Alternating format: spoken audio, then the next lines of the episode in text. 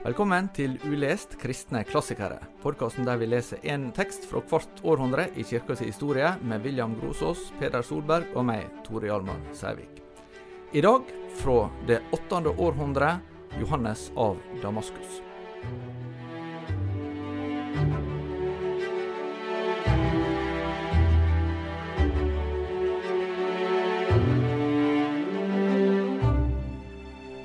Dagens hovedperson blir kalt den siste kirkefader, og navnet er Johannes av Damaskus. Han skrev om et tema som jeg tror eh, kan engasjere ganske mange av våre lyttere, enten fordi de syns dette her er veldig spennende og eh, givende, eller fordi de tenker dette her er virkelig et feilspor i kirkas historie. Det gjelder nemlig ikon.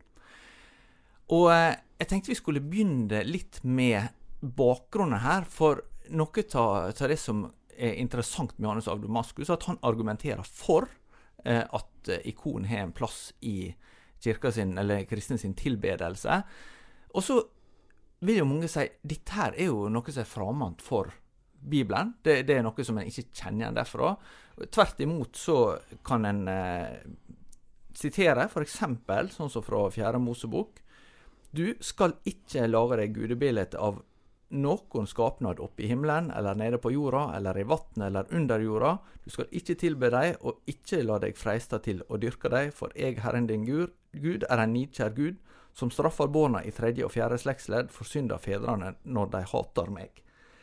Og det er jo veldig sterkt, Peder, men kan du forklare litt om sammenhengen? Hva er det som gjør at, at dette med eh, Eller for å stille spørsmålet litt annerledes, når kommer det med kristen kunst, krist avbildninger, inn som et tema i kirkehistoria? Det er uh, igjen et uh, spørsmål som vi kan uh, Hva skal jeg si Som ikke vi har helt oversikt over. Men vi vet i hvert fall at i den første kristne tid så var det ikke mye bruk av bilder. når det kom, diskuteres de, diskuterer de lærde.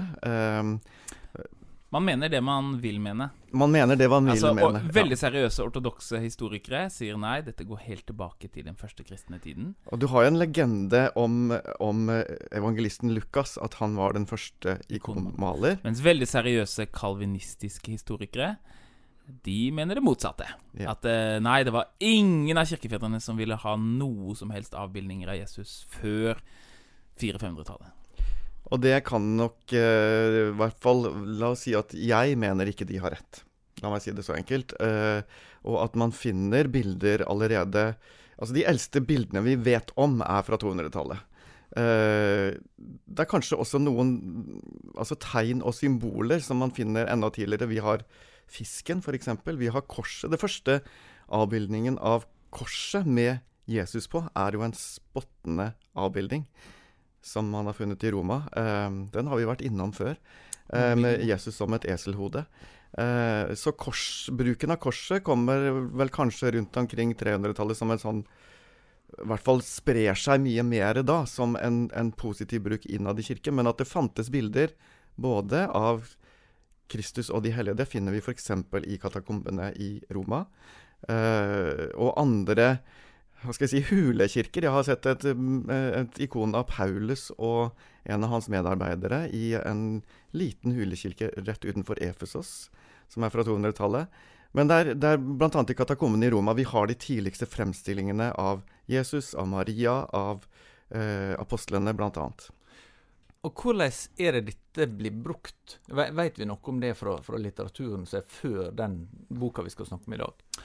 Altså, hvis man f.eks. Jeg nevnte i, i uh, På 400-tallet nevnte jeg at det ble bygd en stor kirke i, i uh, Roma som het Maria Maggiore, som man kan besøke den dag i dag. Og den, den eh, ligger jo ved siden av andre gamle kirker, hvor det også fins bilder. Men der så kan du se noen av de eldste kristne avbildning, kirkekunstene vi har i dag. Og oppe på sidene der så kan du se fortellinger fra Gamle testamentet illustrert liksom oppe under taket. Eh, det er ikke så godt å se det, kanskje. Eh, eh, men, men Og det var noe som også jødene hadde begynt med på denne tiden. Og vi må også tenke at deres forståelse av gudstjeneste var ikke så historisk orientert som, som etter moderniteten så tenker vi at ja, vi lærer om Moses fordi det handler om det skjedde da. Det var eh, nærværet som hele tiden ble, ble, påpekt. Det ser vi jo i prekenene også. Eh, veldig tidlig tid med Liten og Nasarde sin påskepreken. ikke sant? Alle disse tingene er helt nærværende. Moses eh, gjennom Rødehavet, det er ikke noe som skjedde for lenge siden. Det skjer nå. Og alle disse fortellingene de er fortellinger som måtte være i koret om gudstjenesten, eh, om det dramaet som foregår, ikke bare for å lære om noe som skjedde på liksom, søndagsskole, for det skjedde for lenge siden, men det skjer nå.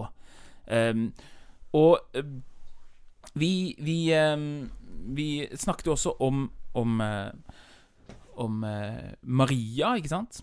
Og, og, hvordan Maria får en, en spesiell Det blir en spesiell rolle som, som, blir debattert om hun kan føde Gud. Og, og også avbildninger av Maria og, og familien Eh, blir jo vanligere. Og, noen forskere vil mene at de var inspirert av hedenske motiver som man på en måte kristnet. Men vi må huske at i motsetning til eh, mange av de tradisjonene som var lenger øst i kirken, så var den greske og romerske kulturen utrolig billedorientert. Full av statuer. Full av bilder. Det var overalt. Eh, og det var et problem for den tidlige kristne kirken. For disse bildene de var eh, ofte veldig sensuelle. De kunne være de kunne, Du vet at når du ser et bilde av en mann med veldig store muskler, så er det liksom ment for at du skal si 'sånn burde du være'. Eh, men alle som har sett reklame rundt omkring i byen, at det det ender med å si, er at 'jeg føler meg dårlig', eller 'kroppen min er ikke fin nok'. Det er jo eller, noe som en kan eh, huske igjen fra, fra apostelgjerningene 17, når uh, Paulus går rundt i, uh, i Aten og blir rysta i sin ånd når han ser at byen er full av avgudsbilder. Nettopp. Så ja. bilder er et problem for de første kristne, det er det ingen tvil om. Og fordi de omgir seg med det hele tiden, og de ønsker å forbi det. Um, så, den, så, de tekstene vi har uh, fra f.eks.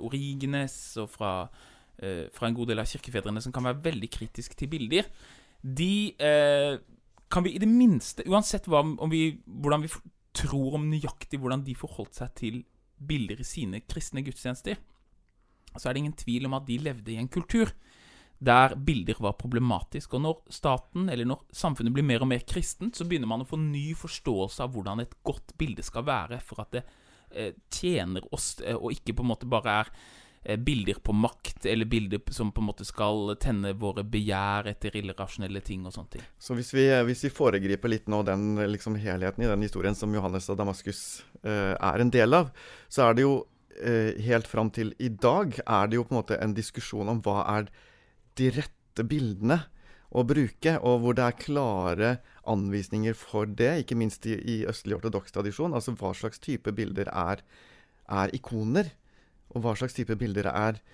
idoler. For dette er også et sånt veldig viktig begrepspar som, som har med dette å gjøre. Hva er idol? Altså det kjenner vi igjen fra samtidskulturen, ikke sant? men som jo er avgud. Mens et ikon er et bilde som peker utover seg selv. Eh, og det er jo interessant altså eh, En av de tidligste eh, kristne bildesamlingene, kan du si, er fra Dura Europas, en, en, en by i nåværende Syria, hvor du nettopp hadde altså en synagoge og en av de aller tidligste kirkebyggene vi kjenner, som lå, bare, lå kanskje bare et par hus imellom de, lå i samme kvartal og hvor man i synagogen, til tross for bildeforbudet i Det gamle testamentet, så hadde man masse bilder av mm. den jødiske frelseshistorien. Altså utferden fra Egypt, Moses, Rødehavet som delte seg. Alt dette her. Og så går du bort til kirken, så har du fremstillinger av Jesus fra evangeliet. Hvordan han helbreder den lamme. Du har over dåps... Eh, eh, dåpsfontenen, eller dåpsbassenget, som det egentlig var, eh, så har du Jesus som den gode hyrde med lammet som, som bærer. Så Det er et av de aller tidligste bildene som vi også kjenner igjen fra katakombene. Så, så, det er denne type bilder som fremstiller, som peker på noe. Som peker på en historie. Som peker på, på den, det vi kan si den, den kristne virkelighetsforståelsen. Det er ikke bilder som skal framvise noe i seg selv. Det er bilder som skal peke videre. Ja, så kommer vi altså til forrige episode om, øh, om øh hvem var det vi snakket om i forrige episode? Det var Maximus. Maximus, Maximus Bekjenneren. Det var på 600-tallet, og da uh, slutta vi med at uh, Maximus Han var jo levde under et veldig turbulent århundre, som var det sjette århundret. Uh, det, syvende, egentlig. Men, det syvende ja, århundre. Og det er to ting som skjer på en gang, som gjør at du etter hvert får det som kalles for ikomaki, altså ikonstriden, eller ikonkrigen, som er en kjempekrise i det bysantinske riket, som er teologisk-politisk, som varer i 150 år. Mm. Og det er to bevegelser som skjer, som på en måte krasjer, som gjør at dette blir så akutt, og som gjør at denne perioden for en ortodokse kirke nesten er det er liksom som reformasjonen, nesten. altså Det er veldig identitetsskapende. Eh, altså Slutten av denne ikomakiske striden som var 150 årene, det kalles i Den ortodokse kirke for for ortodoksiens seier. Fordi det på en måte man opplever at nå eh, blir en, en, veldig viktig siste brikke sagt. Og Det er derfor, eh, det er jo en av grunnene man kan, man kan, snakke om han som den siste kirkefeder. Det er jo Andre sier ja, det fins mange kirkefedre etter han, men, men, i hvert fall så, så er det liksom eh, De store kristologiske spørsmålene fra oldkirken Det får sin siste runde, kan man si. Ja. Eh, ikke sant? I et, en, en verden hva er det man sier når man skal vinne VM i fotball? Så må du spille syv kamper for å vinne. Og det er syv eh, konsilier i kirkens historie, og det syvende konsiliet tar den siste kristologiske runden. Og den handler om ikomani. Men jeg skulle si to bevegelser som skjer samtidig. Den ene, det er eh, at bildene eh, får eh, en At det oppstår en, en, eh, en, forståelse av bildene som gjør de til mer enn en bare bilder, men som gjør de til en delaktighet i Jesus. Og det er knytta til en spesiell hendelse som Det var krig mellom Persia og, og eh, bysantinske riket. Og så var keiseren Han var langt unna byen ved en tilfeldighet. Og da blir ansvaret for eh, å beskytte byen her er i 625. Da er Maximus Hvor gammel er Maximus da? Han er 55 år. Og det blir overlatt til eh, eh, eh, eh, biskopen i byen, som heter Sergius. Og hva er det Sergius gjør? Han gjør som biskop gjør. Jo, han går i forbønn for byen. Og hvordan gjør han det? Jo, han tar det de har som er et ikon av Jesus, som de mener ikke er laget av menneskehånd, altså sånn som linklede i Torino. Kanskje det var linklede i Torino, vi vet ikke. Det var i hvert fall et veldig, veldig gammelt liksom tørkelig bilde. Av Keiropoieta. Av Keiropoieta. Det betyr ikke gjort av menneskehånd. Kanskje det var linklede i Torino. Men i hvert fall noe som man hadde en tanke om at var av måtte, samme kvalitet. Fordi linklede i Torino er det et relikvie, altså en ting knytta til Jesus som har en hellighet fordi det har vært i direkte kontakt med Jesus, eller er det en avbildning av Jesus? Det er begge deler. Og da eh, eh, går de med dette rundt byen i 625? 626? Ja, noe sånt noe. Og eh, det kommer en storm, og hele Persia-flåten eh, eh, får et problem, og eh, de klarer å redde byen mirakuløst. Og helligheten i dette av ikke-menneskehånd-bildet av Jesus. Kanskje det er linkledd i Torino, kanskje noe annet. Jeg tror I senere tradisjon så knytta man det særlig til eh, Maria, at man tenkte at det var avbildning av Maria. Disse tingene vet vi ikke detaljert. Det gjør i hvert fall at du får en eh, veldig forhøyet status til bildene. Det er nesten man kan si at altså, Synet på relikviene, altså at materien, de avdøde kroppene, særlig martyrene, at de var på en spesiell måte Hadde en sånn hellighet i seg, en slags kraft i seg, ikke sant? Så du kan se hva er det en mann som faller ned i Elishas grav i Gammeltestamentet. Ikke sant? Og så, og så øh, visste han ikke at det var grav, så dør han. Det har vi fra aller første tid i kristendommen. Men bildene får plutselig nå denne eh, eh, blandingen mellom å være nesten en relikvie, altså noe som direkte har en hellighet i seg, og eh, å være en avbildning av personen Jesus. Så det er den, det er den voldsomt økte statusen som, som kommer på 600-tallet til ikonene. Og den andre bevegelsen det er jo resultatet av den store krigen mellom Persia og, og bysantinske riket. Og det er jo da framveksten av den store arabiske eh, Hva skal jeg si? Både, både ekspansjonen og, og, og, religionen som de har med seg, nemlig islam. Eh, men før vi går videre på den, så har jeg lyst til å, å, å si noe om, eh, om, de syv eh, konsilene, som du sa. For vi, snakker, vi hadde en egen episode om noen av disse kirkemøtene. Og hele veien så har vi snakka om hva er det det går i. William, du sa en gang at uh, alt handler om Jesus. Alt handler om Jesus. Og det, det er, sånn er det med kristenteologi. Alt handler om Jesus. Og det gjør det fra begynnelse til slutt. Det handler om forståelse av hvem Jesus er i forhold til sin far, i forhold til Gud, Gud Fader og i forhold til oss, og også da i forhold til det skapte. Uh, vi kan si i forhold til både skapelse og frelse. Så alle, alle, de store kirkemøtene handler om det. Det handler om hvordan forstår vi hvem Jesus er, Og hvilken betydning får det for vår forståelse av frelsen og vår forståelse av det skapte? Ja. Eh, så, så eh, Du snakka om disse syv kampene. altså Det går liksom stadig, stadig spisser det seg til. Ja. Fordi det er dette med For noen vil også liksom tenke Her var det sånn at de hadde relikvier tidlig i kristendom. Ja, det hadde de faktisk. Og hva er det for noen ting? Jo, det handler igjen om denne tanken om at Jesus sto opp fra de døde med en kropp som Hvordan nå denne var, men den var i hvert fall i direkte kontinuitet med den kroppen han hadde før han døde. Og at det er en sammenheng mellom den kroppen som vi dør med, og den kroppen som vi skal oppstå med. Og det, tanken er på en måte at vi tror på kroppens oppstandelse. Eh, eh, så det er en slags sånn derre konkretisering av at vi tror ikke at det er et uoverkommelig skille mellom dette livet og det neste. Og ånd og og- materie. Ikke sant? Og ånd og materie. At det er knytta sammen.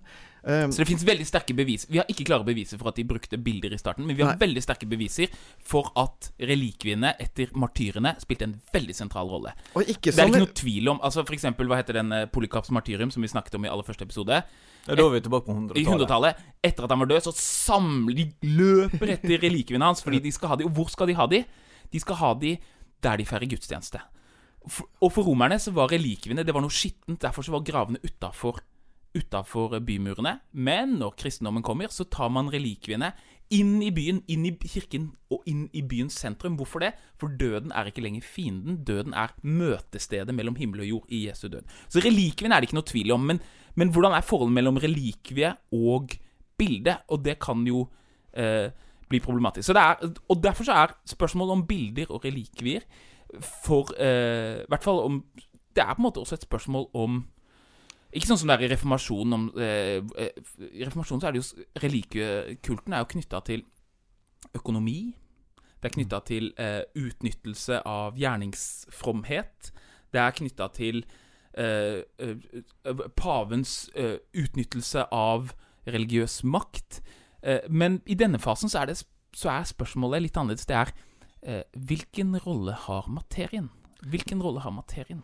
Men er det annerledes for døde enn for levende? Tenk f.eks. på fra apostelgjerningene igjen. eh, At eh, når det er noen som feller ned for, for eh, Peter for å tilbe han, så, så reiser vedkommende opp igjen. Vokt deg for det, for Gud, det er Gud du skal tilbe. ikke sant? Og som vi sier at også det som går på relikvier, det minner jo litt om det samme. At Yes. du, du tilber noe annet. Exactly. Og, derfor, og dette er den, det er det, dette språket og bevisstheten om dette som spisser seg bl.a. hos Johannes av Damaskus. For han er veldig klar over farene for avgudsdyrkelse. Ikke bare blant, men altså blant alle mennesker. sant? Og han siterer alle disse tekstene, som bl.a. den som du siterte nå Så vi- innledningsvis. For å foregripe så er det jo forskjell på å ære og tilbe, som er en av hovedargumentene. Men vi må komme oss videre med fortellingen om eh, ikonomakien, ellers så Ja, ja. eh, graver vi oss helt ned i, i relikviene. Ja. Fordi du har islam, og så har du dette her eh, voldsomme økningen med eh, disse to tingene. Og så Den sjette runden i de kristologiske stridene, det var jo Maximus sitt store seierskonsilium, selv om han ikke var der, hvor de to viljene blir vedtatt. Det er det sjette økumenske konsil, og det blir holdt i et sted som kalles for Trullo. Og, Altså- ja, og Altså, var, ja, ikke sant? Altså, altså at Jesus hadde både en guddommelig og menneskelig vilje. yes. At han hadde del, og har del, i både guddommelig og menneskelig natur fullt og helt. ikke sant? Og, og så ti år etter det så har de en slags sånn ekstra konsilium som ikke er økumenisk, fordi paven var ikke der, og folk var ikke der fra hele kirken, men som ofte blir knytta til det sjette økumeniske konsilet.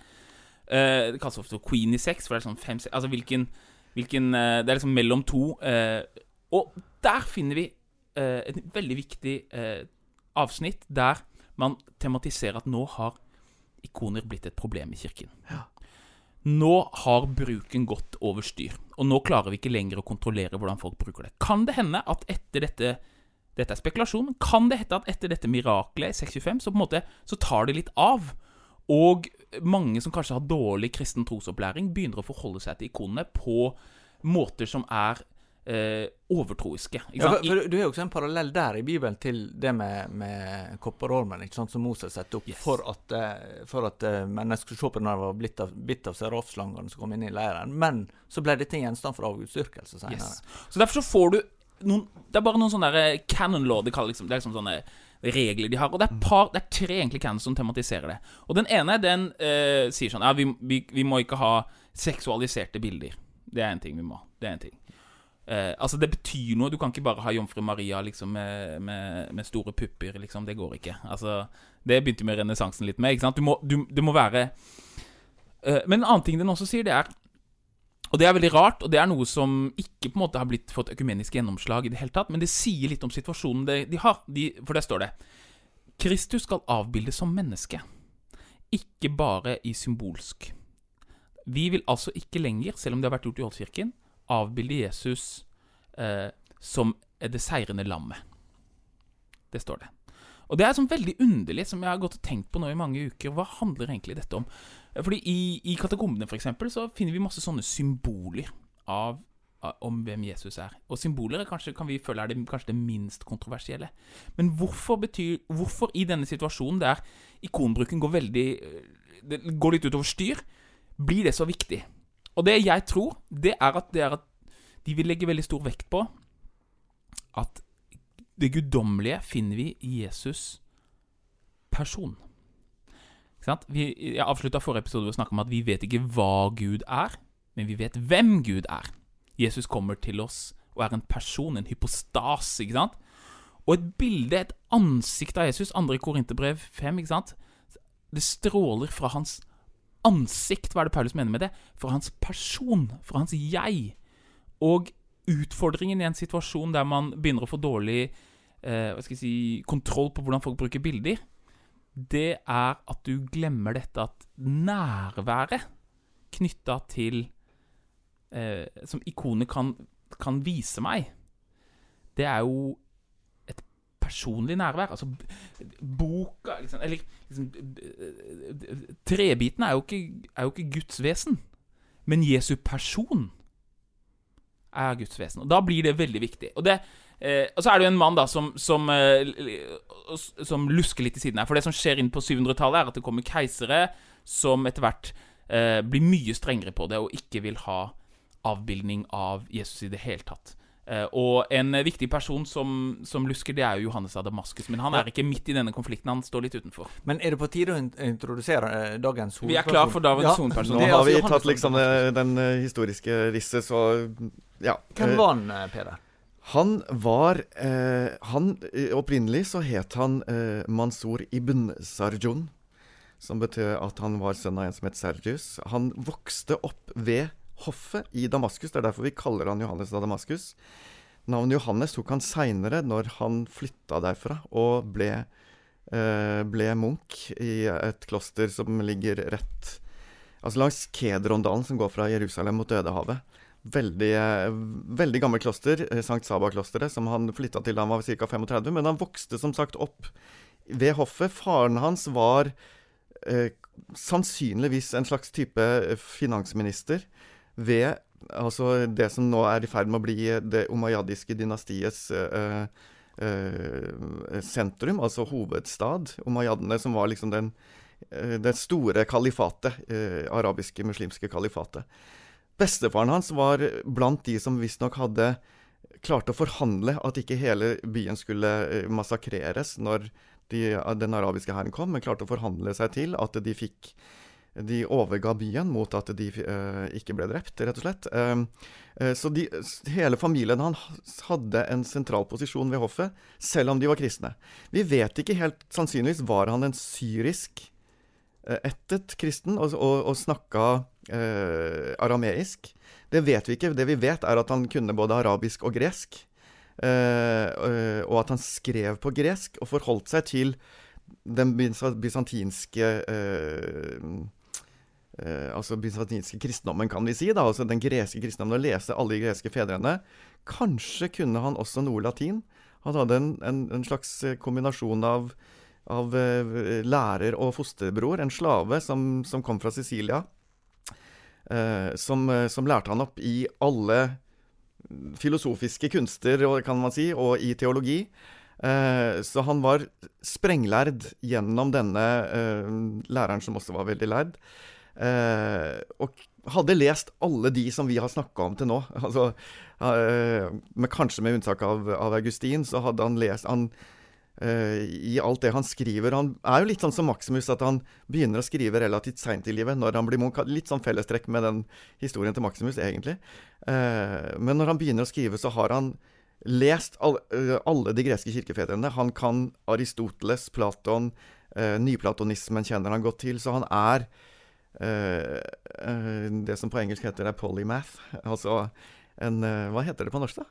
Det er i hvert fall en som uh, Multikunstner, har jeg på tunga, men, men, uh, men, en som har oversikt over det aller meste. Han skriver musikk, han skriver uh, salmer. han skriver også det som blir det vi kan kalle den første store kristne systematiske teologien.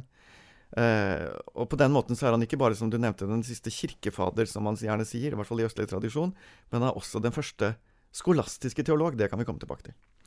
Så mens han bor der borte i, i de arabisk-dominerte landene, altså utafor eh, det kristne keiserriket, eh, Bysants Ja, for, for at han, Da han ble født seint på, på 600-tallet, så er allerede islam ekspandert ganske mye. altså De tar Jerusalem i 638, de fortsetter nedover Nord-Afrika. Og de er jo faktisk helt opp til uh, sør i Frankrike Hasi, i løpet av hans levetid. Ja. På 600-tallet er jo sånn apokalyptisk århundre, hvor folk begynner å skrive sånne apokalyptiske tekster. Nå går verden under dere. Nå er ikke verden det vi trodde den var. Og folk begynner å lete etter nye løsninger. Er, hvordan skal vi ordne dette? Hvordan skal vi komme tilbake til, til, eh, til kristendom sånn som, sånn som det en gang var? En ting som skjer for, for første gang, det er jo at keiseren på slutten av 600-tallet trykker bildet av Jesus på pengen sin, på mynten. Og eh, det kan man si, er det noe problem, da? Eh, ja Eller det er liksom sånn derre Det er i hvert fall vanskeligere å det er vanskeligere å komme unna med den, eller preke over den fortellingen av hvilket bilde har Ikke sant? Jesus med keiseren på Gi mynten. keiseren det som keiseren For Da hadde han bilde av Jesus på den ene siden og bilde av seg selv på den andre siden. Ja, For det var rett og det samme, egentlig. Ja, eh, Kanskje, jeg vet ikke. Men i hvert fall så, så, så, så, bobler det over etter hvert. Sånn at det kommer en motstand mot bilder av Jesus. Og den Forskerne Det er kjempevanskelig å snakke om dette fordi det finnes en slags sånn standardisert eh, seiernes historie om hvordan dette foregikk. Og så fins det eh, Og de er skrevet 100 år senere. Og så finnes det eh, forskning som forsøker å rekonstruere, men hva kan egentlig ha skjedd? Og det er ikke sikkert, sånn som man uh, tidligere har vært veldig sikker på, at det, liksom, det kommer fra keiseren ovenifra, når det kommer en ny keiser, en som het Leo den tredje, som sa at nå skal vi slutte med billig. Det kan like godt ha vært at det var liksom eliten i Konstantinopel som liksom At det var flere som begynte å tenke på den. I hvert fall, det fins i hvert fall en, en, eh, en, en eh, biskop eh, i, i, Konstantinopel på snart av 700-tallet som heter Germanos, som har behov for å tale mot de som avviser de kristne bildene. Og han blir av keiser Leo eh, sendt ut av landet og pisket. Og eh, i, det er altså i eh, 724-725. Og det er i forlengelse av det at eh, Johannes begynner å skrive utenfor keiserriket. Han sitter i Damaskus, i muslimske områder. Og så skriver han disse talene, som er de tekstene vi har lest i denne gangen, mot de som forkaster de hellige bildene. Og Leo han, han driver ikke med liksom systematisk forfølgelse av de som driver med bilder, men han er liksom Det fins en fortelling om at han river ned et stort bilde av Jesus over en sånn stor eh, apsisdom. Eh, men det er, det er, vanskelig. Det er dårlig historisk belekt. Eh, han fjerner i hvert fall bilde av seg selv på myntene. Han begynner å ha bilde av seg selv og sønnene sine. Eh, og han vil ikke bli innsatt av, som keiser av eh, biskopen. Han eh, innsettes, innsetter seg selv, så å si. Og han får en sønn som heter Konstantin den femte, som er en eh, Dette er en ny keiserslekt. De, ikke, de, er ikke greske. De er ikke oppvokst i Konstantin. De, kom, de kalles for isaurere, kom fra et annet sted.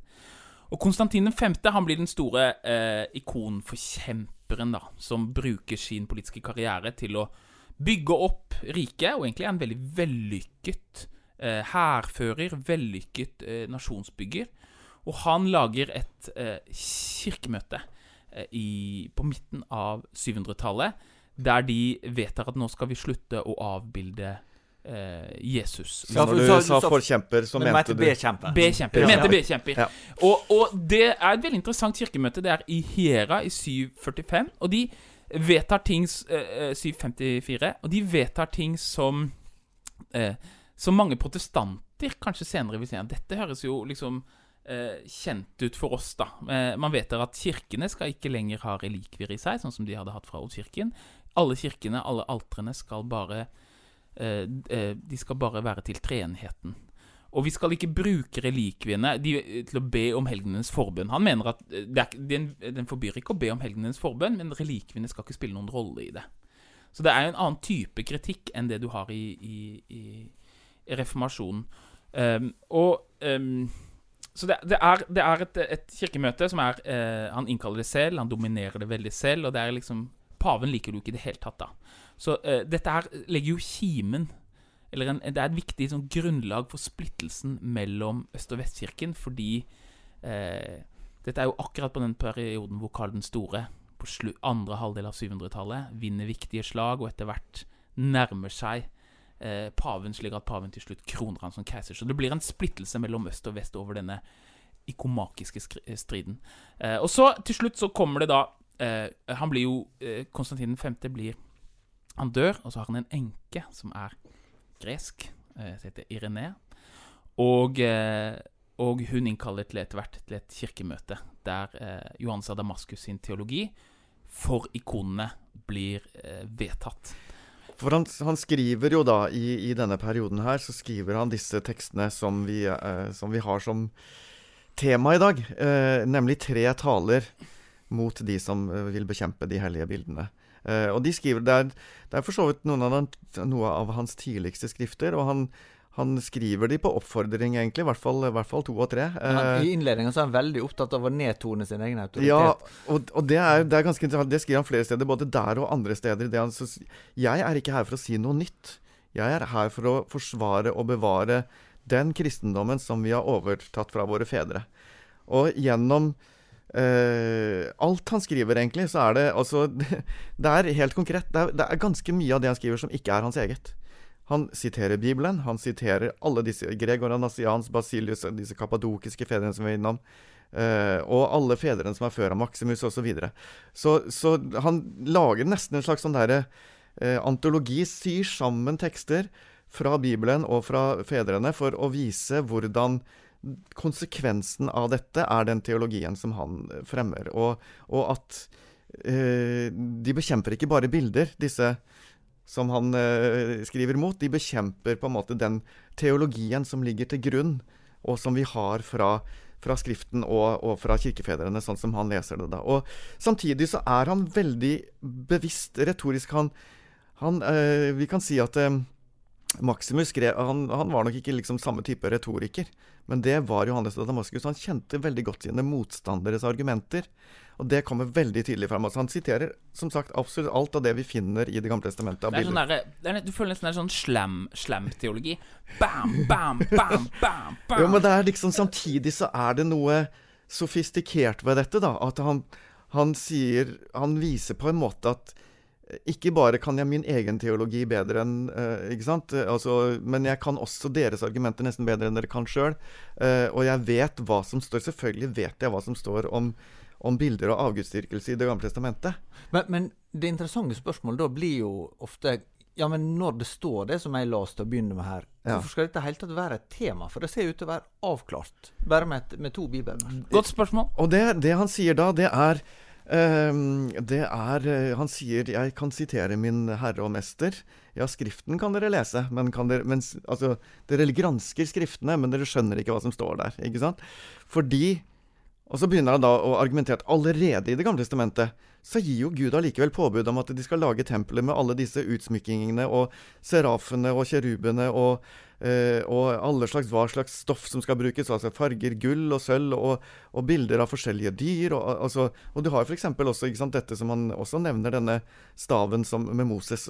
Altså, så billedliggjøring av noe som skal peke mot Gud, det er det ikke forbud mot. Det er forbud mot bilder som vi dyrker som guder. Eh, så han er veldig nøye på det. Men så er jo på en måte kronargumentet hans det er Ja, selvfølgelig det som består, er at vi kan ikke lage et bilde av den usynlige Gud. Men Gud er blitt synlig i Jesus Kristus. Og ikke bare synlig, men materie. Han er blitt kjøtt og blod, tatt opp i seg materien. Så Gud selv Vi kan snakke om eh, av på Gjetos som et bilde. Men Gud selv har jo laget seg et sant bilde av hvem han er i materien. Ved å ta opp i seg materien og bli menneske i kjøtt og blod i Jesus. Og konsekvensen av det er, uansett om det fantes om likeledet i Torino er ekte eller ikke, eller om det fantes andre Det er også en legende om at Jesus eh, Både Veronicas svetteduk, altså det at Jesus gikk Eh, ikke sant? Eh, mot eh, Golgata. et, et, et Og Veronica, som jo betyr Navnet hennes betyr jo det sanne bildet, ga et, et tørkle. Han tørka seg. Det er litt som, eh, som eh, på denne filmen Forest Gump, ikke sant? Altså den, når han får den der eh, T-skjorta, og så kommer smiley face ikke sant? Altså du har den derre avbildet av Faktisk avtrykk av hans ansikt, ikke sant? Eh, så du har flere sanne legender. Og uansett om noen av de legendene er sanne eller ikke, så er det jo sånn at det kunne vært sant. Altså, så det er jo eh, Johannes sitt argument at noen kunne ha gjort det. Linkledet Linklede i Torino, om det er ekte eller ikke, så hadde Jesus faktisk et linklede som var i kontakt med han. Ikke sant? Eh, og som kan ha gitt et avtrykk av blod? Så poenget er at Gud har gjort seg selv synlig i materien og vist oss at materien kan ikke bare peke på hvem han er, men faktisk også ta imot han, altså være Han kan vise seg selv gjennom materien. Jeg tenker på den eh, kristologiske mellomspillepisoden vi hadde. De, noen som, noen ikke har hørt den, så kan de gå tilbake på den. Men der hvert fall snakka vi om den kristologiske debatten på 400-tallet. Og da var det to, to liksom, forslag da som bryter ut av den, den største tradisjonen om forholdet mellom det guddommelige og menneskelige Jesus. Eh, husker du det, Turama? Det var Nestorius Toriyama på den ene nikker. ja, Norama nikker. Te- ja, jeg snakker ikke for vanskelig nå. Nestorius, ikke sant? som mente at forholdet mellom det guddommelige og menneskelige var som olje og vann. Altså det, det ligger ved siden av hverandre. Og så var det den eh, Altså det man kalte for monofysittisme. Altså at etter Jesu eh, inkarnasjon så er det guddommelig og menneskelig Jesus uatskillelig. Altså Det er nesten som forholdet mellom vin og vann. Og eh, den hva skal jeg kalle det mellomtingen som Kalkedon, som var dette eh, kirkemøtet, det var at, at nei, det er uten Uten adskillelse, uten eh, Ja, nå husker jeg, har jeg ikke de på tungen, men eh, Hiera-kirkemøtet, altså konstant eh, Tinn den femte, som jeg nevnte, som var mot bildene av Jesus, han var jo etter hvert ikke mot egentlig avbilder av av uh, bilder i det. Det, det var jo ikke samme type billedforbud som du har i islam. Det var ikke sånn du kan ikke ha bilder i det hele tatt. Men han var, det var det kristologiske spørsmålet som var problemet. For han tenkte sånn Hvis du sier at vi kan avbilde Jesus fordi uh, vi kan se hans menneskelige natur, så er bildet bare hans menneskelige natur. Og hvis du tilber det, så tilber du bare hans menneskelige natur, og da har du da er du nestorianer, for da har du skilt det guddommelige og menneskelige Jesus. Ved hans argument. Men hvis du sier at nei, eh, det guddommelige og jes, eh, menneskelige i Jesus, det er helt og fullt på Det guddommelige er på en måte i bildet som vi har foran oss, i treplata foran oss. Da har du monofisittisme. For da, har du, da, skil- da fins det ikke lenger noe skille mellom det guddommelige og menneskelige. Så da har du oppløst skillet. Og så sier han, og dette er jo et argument som, eh, som kanskje kalvinister vil, vil Og som ikke er et svakt argument. Men han vil si, og derfor er det eneste bildet vi har av Jesus, det er nattverden.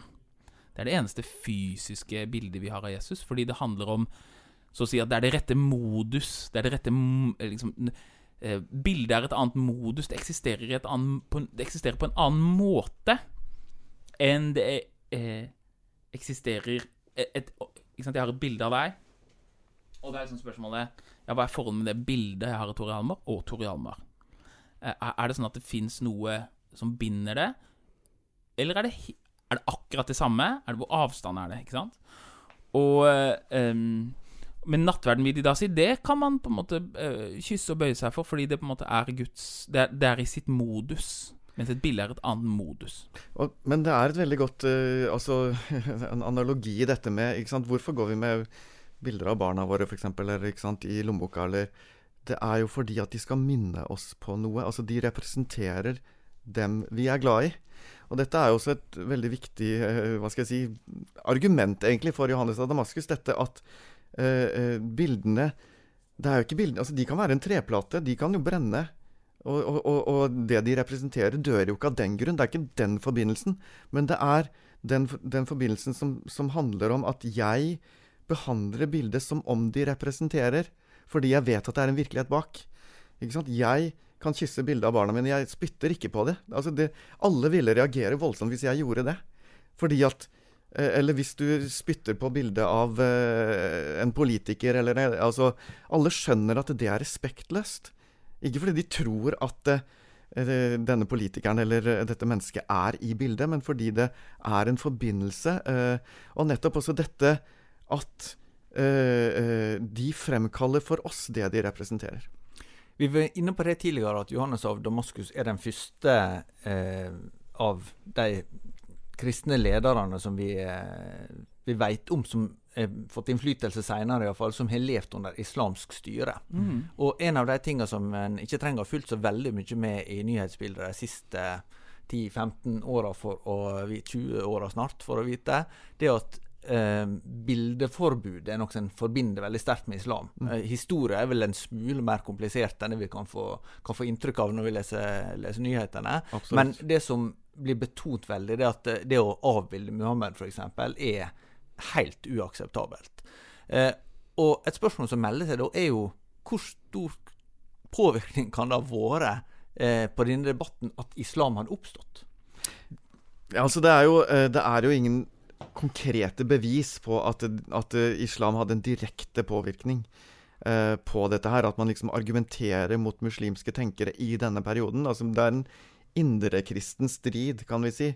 Eh, men det er som vi var inne på i, i, i, i uh, forberedelsene våre her. Altså at uh, selv om vi i dag ikke kan på en måte si Altså, vi sier ikke at liksom Freud sa, og derfor så er det sånn, eller, eller Nietzsche, eller whatever. Altså, filosofer som har prega hele vår kultur. Vi er i dialog med dem enten vi vil eller ikke. Enten vi har eh, hørt om det eller ikke. Enten du har hørt om de eller ikke. Siterer de eller ikke. Ja. Ikke sant? Fordi det er noe med hvor, hvilke kulturelle strømninger som preger oss alle, og som vi Så de siterer ikke islam, da? For å si det sånn, ingen Nei. av partene her i sted Nei, Mohammed sånn liksom, har vist at han har et godt argument. Det er ikke på det nivået. Det er ikke på det nivået, men det er helt klart at det er en kulturell strømning her. Ja, islam er in. Det er ikke noe tvil om det. Islam og, og er veldig inn, og islam er vinner. Islam vinner. De vi, tar over verden. Og vi kommer tilbake til det i neste episode også, men altså Johannes av Damaskus sjøl eh, eh, eh, beskriver jo islam som en kristen vranglære. Ja. Altså, så, så, han, så, han, forholder seg til Muhammed og, og, hele denne historien med fremveksten av islam som en del av det som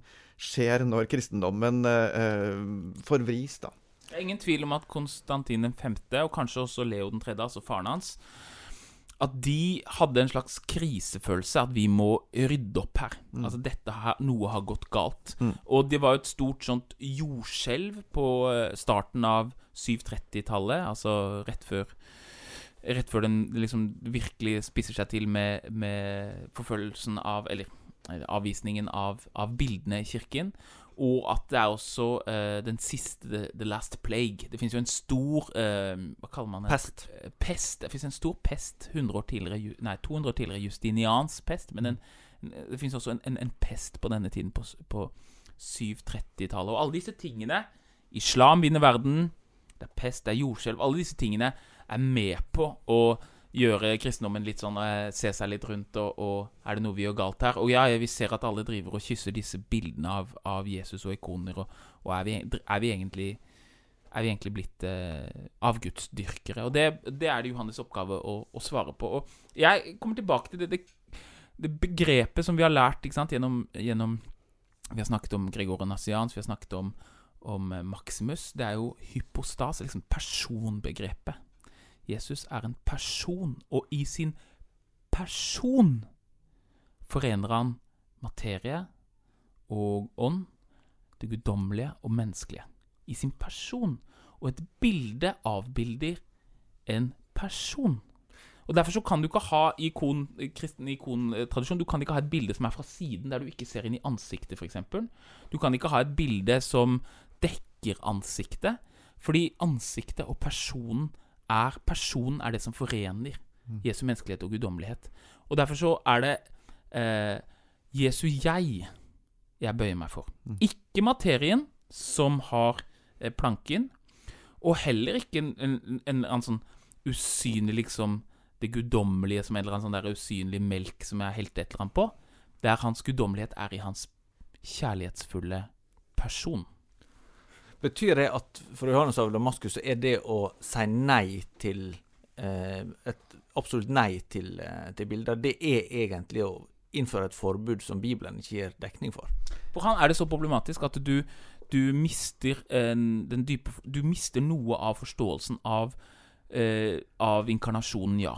Er, for han går det så langt. og derfor så Det, er- det fins jo en ikonoklastisk runde til, eller en ikono, liksom, På 800-tallet så er det en ny runde med litt nye Nye Aktører. nye teologer og litt Ja. sånn nye problemstillinger. Men for den ortodokse kirke eh, så, ha, så er det å avbilde Jesu ansikt og bøye seg for det, det er en viktig bekjennelse til hele den treenighetsteologien som vi har snakket om eh, i denne podkasten. Vi går videre inn i eh, de teologiske spørsmålene i neste episode. Og da skal vi også snakke litt om eh, hvordan en begrunner eh, Eller hvordan det blir åpna for også å ha bilde av andre enn Jesus sjøl. Det er jo et eh, interessant tema i denne forbindelse.